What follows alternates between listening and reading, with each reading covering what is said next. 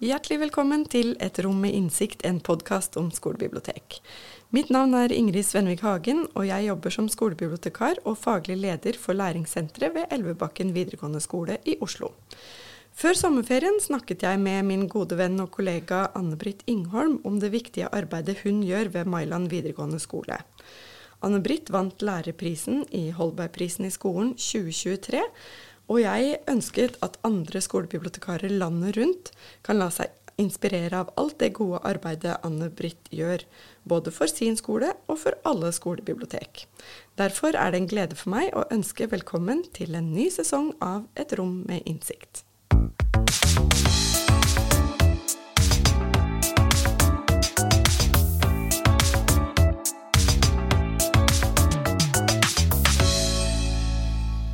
Anne-Britt Ingholm er utdannet fra bibliotekarutdanningen ved Høgskolen i Oslo og Akershus, og har jobbet som skolebibliotekar siden 2001.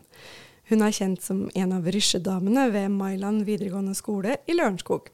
Sammen med kollega Kristin Aamodt sørger hun for å kurse elevene i Sotero, spre leselyst og sette skolebiblioteket i sammenheng med resten av det pedagogiske arbeidet ved skolen. Rysjedamene kan følges i ulike sosiale medier, hvor de deler mye av det de gjør, også med andre utenfor skolen.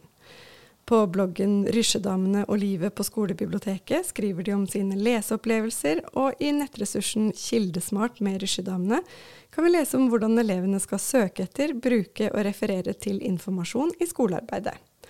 Våren 2023 vant Anne-Britt lærerprisen i forskningskonkurransen Holbergprisen i skolen for sin forskningsrapport Jeg tror lærerne bryr seg om hvilke kilder vi bruker, men de pleier ikke å si noe om det.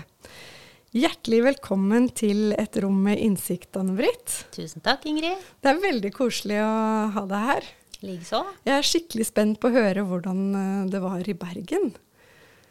Men aller først så skal du få lov til å si litt om eh, hva du brenner for, og hva det er du holder på med i skolebiblioteket ditt. Jeg syns du hadde en veldig fin introduksjon som viser at i skolebiblioteket på Mailand, hvor jeg jobber sammen med Kristin, så er vi veldig opptatt av både det med litteraturformidling og det med informasjonskompetanse. Det er liksom de to tingene vi prøver å holde like høyt.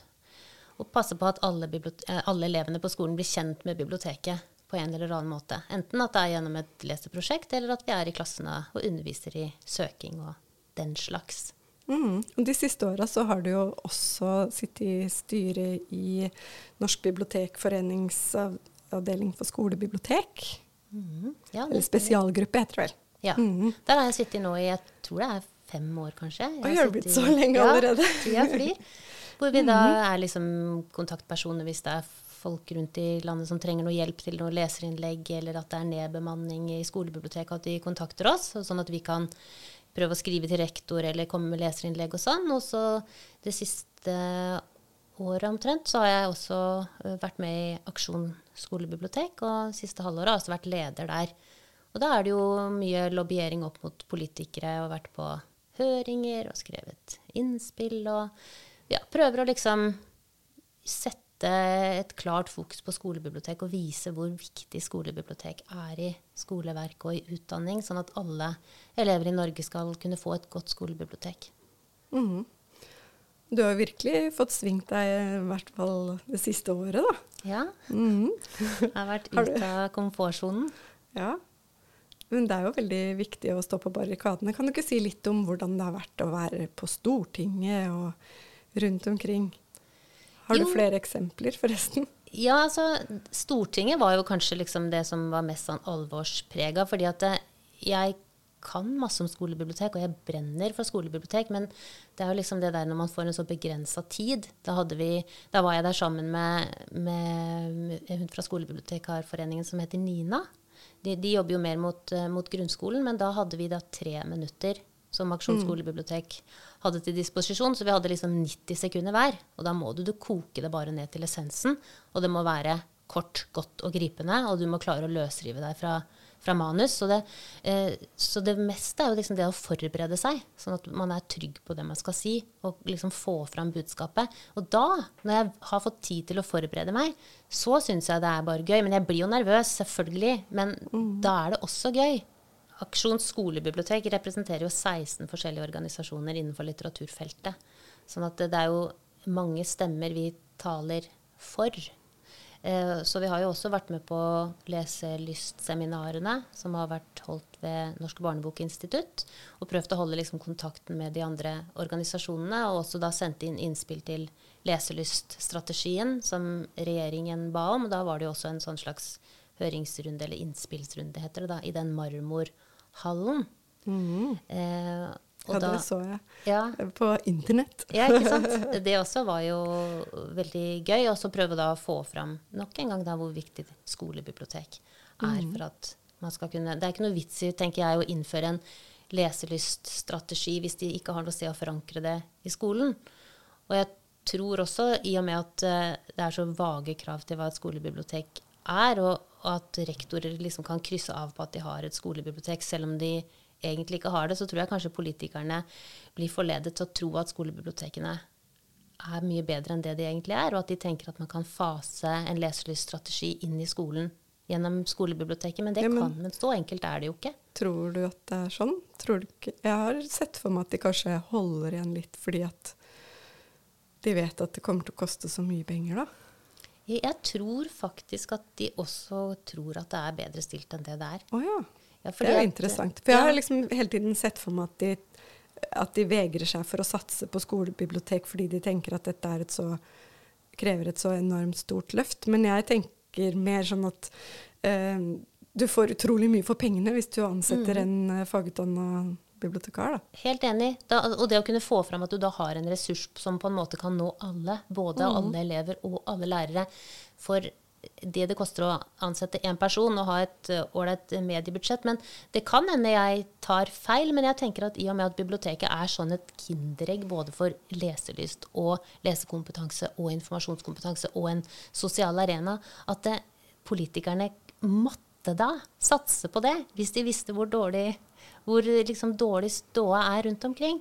Så, og, og i den statistikken som grunnskolen leverer, eh, og hvor rektor da liksom kan si at ja, jeg har et skolebibliotek, selv om det bare er en kasse med bøker i klasserommet. Så ja, jeg velger å tro at politikerne ikke vet hvor eh, dårlig stilt det er. Altså. Hvis de vet det, så er det helt skandaløst å ikke gjøre mer med saken. Mm. Dette minner meg om eh, For mange mange år siden Ann-Britt, så satt du og jeg i eh, en arbeidsgruppe som skulle lage en plan for skolebibliotekene i Akershus.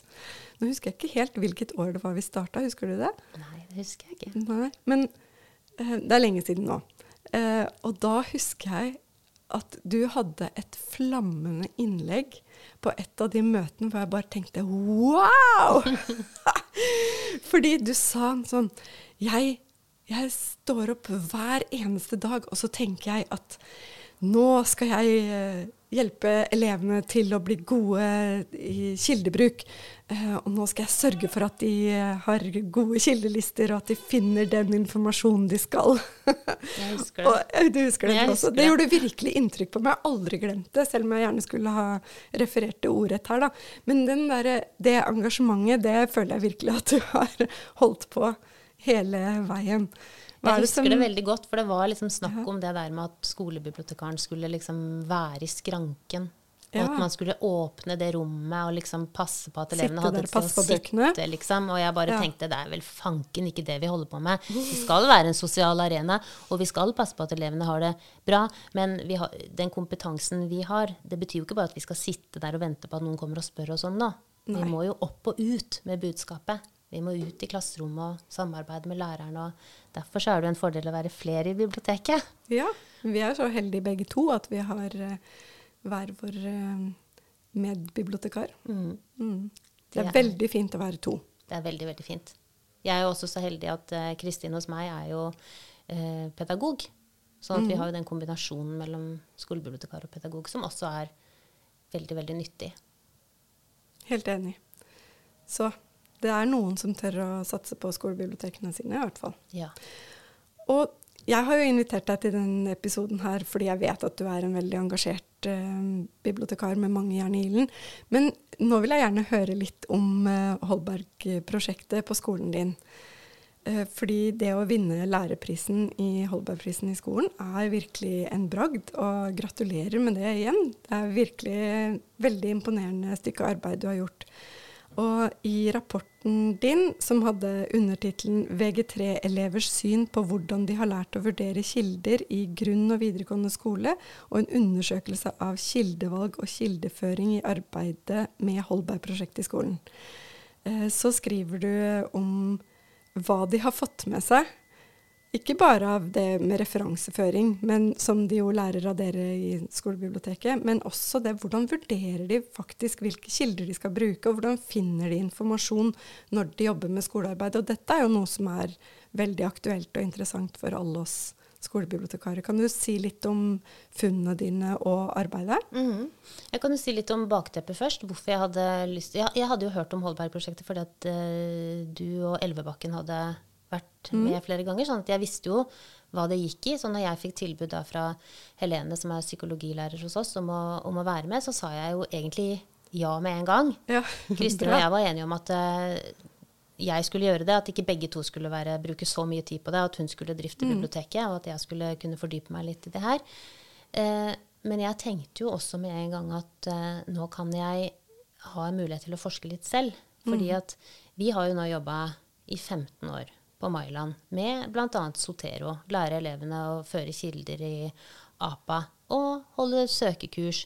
Prøve å snakke om de gode kildene og vise de pålogger og den slags som de, sånn, de, trenger for å få tak i informasjonen.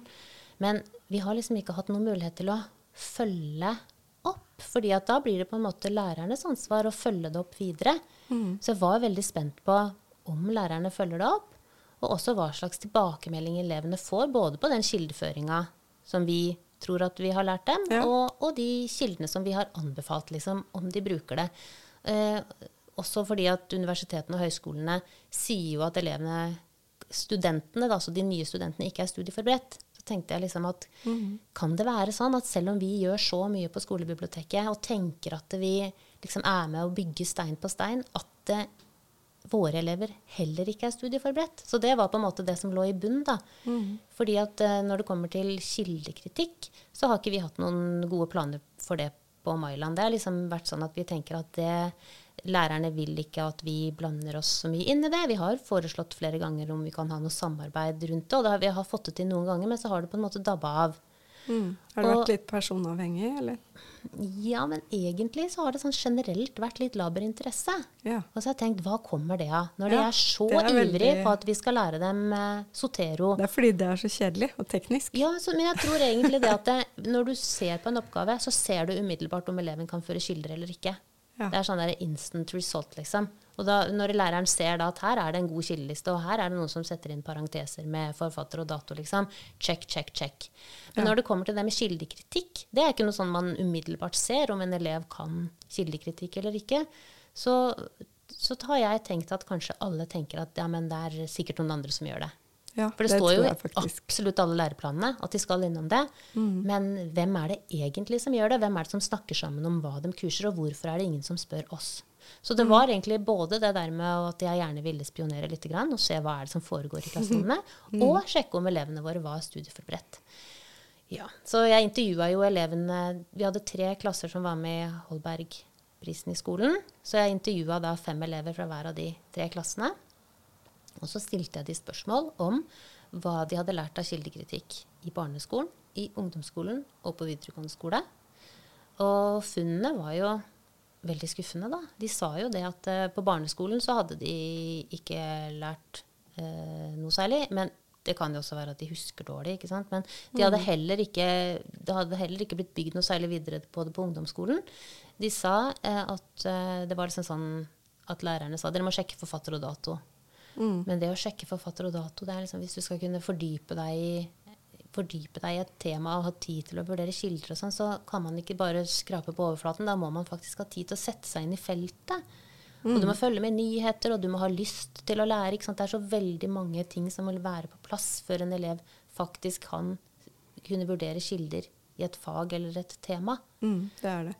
Du må ha kunnskap om faget først, egentlig. Mm. Så du bør jo egentlig ha lest veldig mye før du begynner med det. Så egentlig så burde alle lærerne snakke om snakke om et tema i kildekritikk, og liksom hva som er Mm. relevant for deres fag, og Absolutt. bestemte oppgaver, og ikke bare si at de må sjekke forfatter og dato, for det er liksom på en måte litt meningsløst.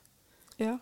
Og de er så unge også, disse elevene, så de var jo sånn at hvis en kilde var fra 2017, så var den jo kjempegammal. Så, ja, det la jeg faktisk merke til at du sa at de fort avfeide kilder Ja. som var tre-fire år gamle. og så var de veldig opptatt av at det skulle være bilde av forfatteren, og at forfatteren skulle se profesjonell ut. Ja, Og, Som ja, om så det ikke var hvem liksom- som helst kan putte inn et Det var litt sånn umoden refleksjon da, over Mm. Så Men- det var jo den ene tingen jeg sjekka ut. Og så spurte jeg jo også om hva slags tilbakemeldinger de fikk av lærerne på kildeføringa. Mm. Og da sa de jo det at eh, vi får noen, vi får ikke noen tilbakemelding. Selv om vi slurver.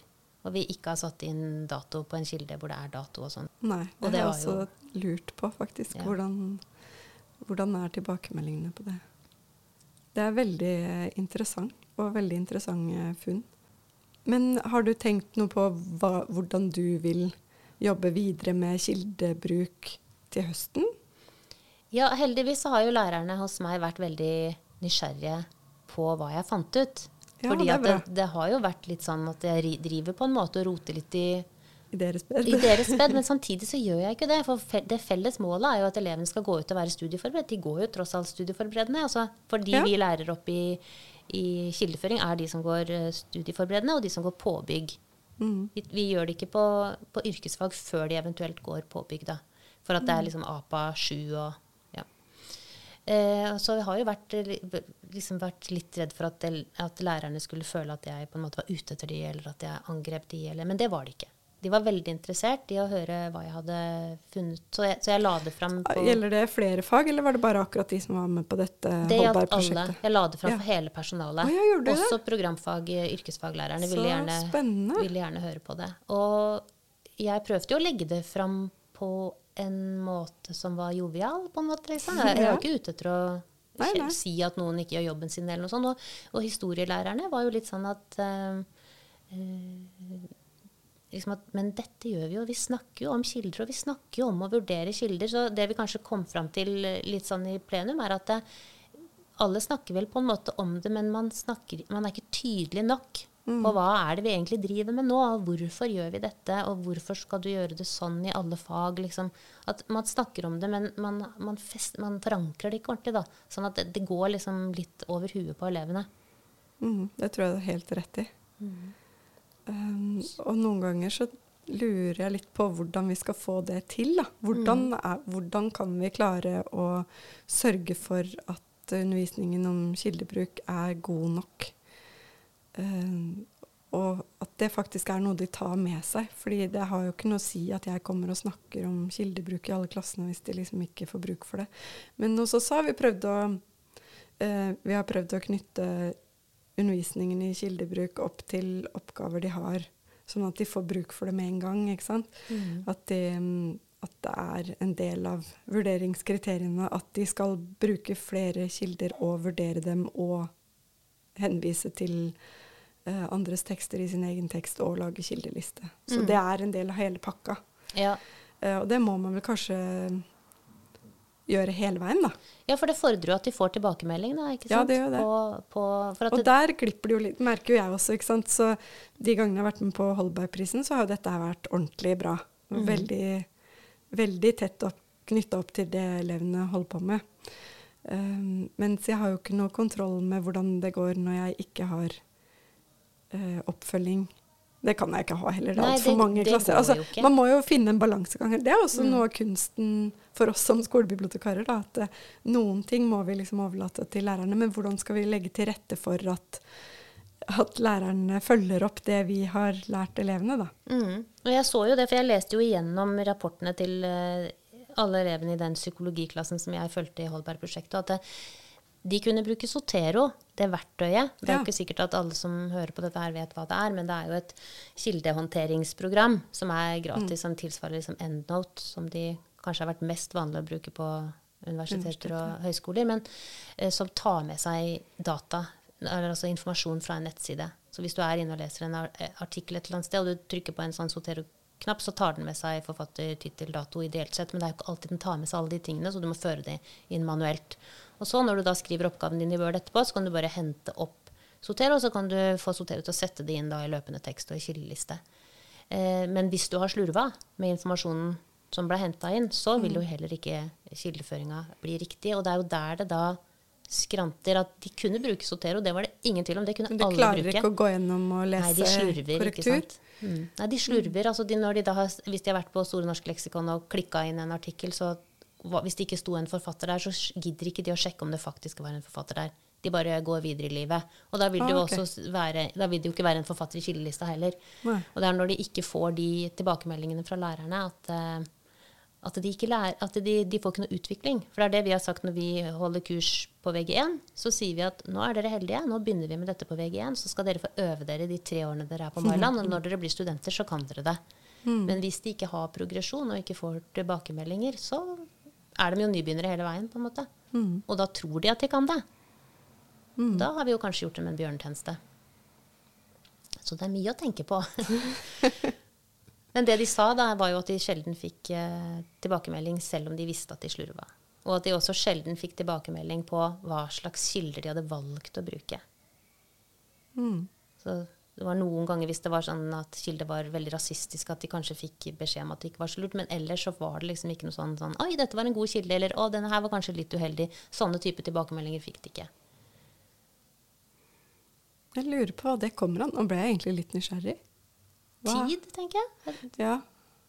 For da jeg leste gjennom alle disse 18, nei, 20 rapportene da, som var i den klassen Jeg brukte jo veldig mye tid. Mm.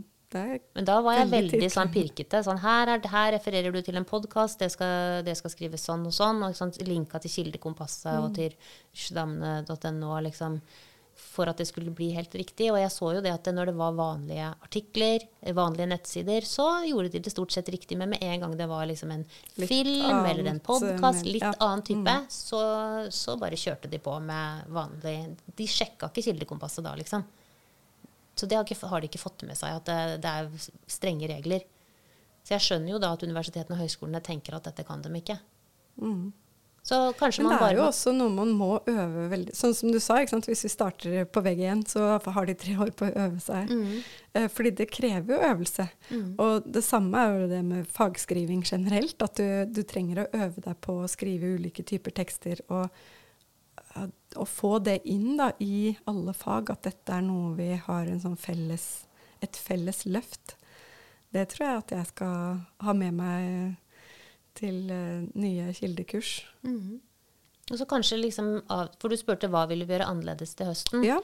Og da har vi vel snakka om at vi må samarbeide litt bedre, de som har de forskjellige klassene, og bli enige om hvem som skal gjøre hva. Mhm. At eh, Det er jo ikke noe vits i at alle gjør alt hele tiden, men man må være enige om hvem som skal gjøre hva, og hvordan man skal backe opp og, og følge opp det som er blitt gjort av andre. Sånn at det liksom blir litt sånn kontinuitet i det. Og så tenker jeg også at vi må bli enige om hva er ambisjonene. Ja, hvis jeg har som ambisjon at våre elever skal kunne APA7, og læreren er fornøyd med at de kan bruke Sotero som et verktøy, så må vi bli enige om men hva er ambisjonene. Jeg kan godt senke mine ambisjoner hvis det er det som er ønsket. Hvis læreren ikke ønsker å bruke så mye tid på å gi tilbakemelding. Men da må også undervisningen være lagt fram annerledes. Da må vi vise dem hvordan de bruker Sotero, og så må vi fortelle dem at dere må bruke kildekompasset aktivt. Dere må sjekke reglene. Det er ditt ansvar. Mm. Så, så bare, bare alle liksom er enige om hva vi skal gjøre, så tenker jeg at uh, mye er gjort, på en måte. At vi, altså det er viktig at vi snakker sammen og veit hva hverandre driver med. Helt enig. Kommunikasjon er helt grunnleggende her. Sånn at vi kan være med på å løfte elevene. Men eh, jeg vil tilbake litt til det med kildetillit. jeg. Vi har ikke snakka om det akkurat, men eh, jeg syns jo det også er blitt vanskeligere, egentlig. Eh, hvordan opplevde du at elevene i Holberg-prosjektet hos dere eh, var veldig forvirra og syntes at alt var bare altfor svært? Eller klarte de liksom å se Var de flinke til å velge ut hvor de henta informasjonen sin fra? Snakka du mye med dem om det? Ja, altså, jeg gjorde jo eh, en ganske hederlig innsats i starten. Da lånte vi inn faglitteratur som kunne være relevant. Vi viste dem På Kildesmart med Rysjedamene så har vi også en sånn slags lenkesamling, selv om det kanskje er litt 1990, liksom. Men har med dette med kildetillit. Ja. Sånne gode, sikre nettkilder, og så liksom pålogger og hvordan de skal nå det og sånn. Det viste jeg dem. Og jeg lagde også en, en egen ressurs som gikk på psykologi, siden det var psykologi Ja. de skulle forske på. Og, og jeg stilte også ut skjønnlitteratur som kunne kobles opp mot temaer de skulle skrive om. ikke sant? Sånn at de kunne lese om eh, mennesker som hadde opplevd noe av det de skulle forske på. liksom Empati og hele den pakka der, liksom. Men responsen var jo ikke så veldig god. For at de har så mye å gjøre hele tiden. Sånn at de, de brukte jo noen av de bøkene vi hadde lånt inn på forhånd. Men det var én elev som spurte om å få bestilt inn en bok fra et annet bibliotek. Mhm. Og, det var, og det, en del av det, noe av det jeg undersøkte, var jo også betalingsmurer. Om de møtte på betalingsmurer. Og det var jo 30% av elevene som møtte på betalingsmurer. Men de spurte ikke om hjelp. Nei, det er veldig interessant. De kom ikke til meg og spurte denne har jeg lyst til å lese, kan du skaffe meg den? Og det gjorde de heller ikke med, med hun læreren. Og er skjønnlitteraturen, da så de bare litt rart på meg, liksom. Liksom sånn Å ja, du tenker at jeg har tid til å lese en roman? Nå som jeg har sju, sju sånne heter det? Innleveringer. Ja, sju innleveringer, og jeg skal forske, liksom. Det, det, var bare, det bare gikk rett over huet. Det bare prella rett av, liksom. Ja. Så, så det det jeg tenkte på, er at vi må bli enda flinkere til å løfte fram det digitale biblioteket, dette med pålogger, og Mm. også få gjennomført flere sånne søkekurs. Som er retta inn til en bestemt oppgave, som du sa i stad. Nytter ikke å komme og snakke om hvordan de skal søke, det må være retta inn til en bestemt oppgave. Ja, helt enig. Hvis ikke, så er det ikke noe vits i. Nei. Alltid knytte det opp til undervisningen i det faget som er aktuelt, tenker jeg. Mm.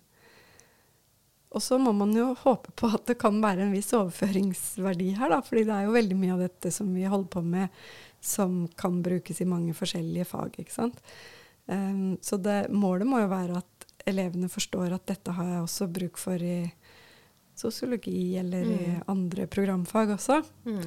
At det ikke bare blir i psykologi to. Men det er overraskende sjelden at de faktisk kommer på det av seg selv. Man må jobbe aktivt, er i hvert fall min erfaring, da. At man må jobbe aktivt med å minne folk på hvordan de skal bruke biblioteket hele tiden. Hele For selv om det er helt uh, innlysende for oss, så er det jo ikke det for uh, elever og lærere. Det gjelder jo lærere også, som ikke tenker på det som uh, Ja, før det liksom brenner, kanskje. Og så er det jo det her med Teams, og liksom det varsles og pipes, og du kan jo ikke spamme heller, på en måte. Man må jo velge ut når og Ja. hva man skal publisere, så vi prøver å holde oss til én gang i uka, da. Hvor vi Mm. legger ut til elevene på Teams. Og da er det sånn enten en bokomtale, eller at det er noe sånn nyttig om søking og sånn. For hvis vi gjør det hele tiden, så, oh ja, det var så smart at dere gjør det. vi dem. Ja. Men funker det? ja, eller Ja, det er jo noen som lager sånn nyhetsbrev også. Det kan jo være en eh, måte å nå fram til elevene på. Det hender da det kommer en elev og skal låne den boka vi har blogga om, og da blir vi jo så Da blir glade. du glad. Det er, da er det verdt det. Ja, det er kjempefint.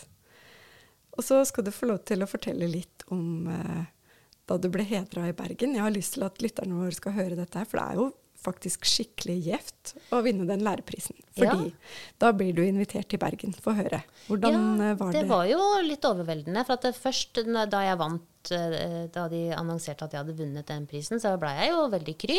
Og jeg hadde, Ja, jo, brukt, jeg hadde jo brukt masse tid på det. Og jeg tenkte jo at det var interessante resultater, sånn at det var hyggelig at uh, verden kunne få høre om de.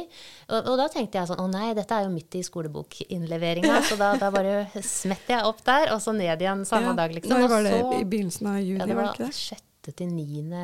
juni. Jeg, var jo, jeg dro på mandag etter jobb og kom tilbake fredag morgen. Og da tok jeg morgenflyet og ble henta klokka fem på hotellet.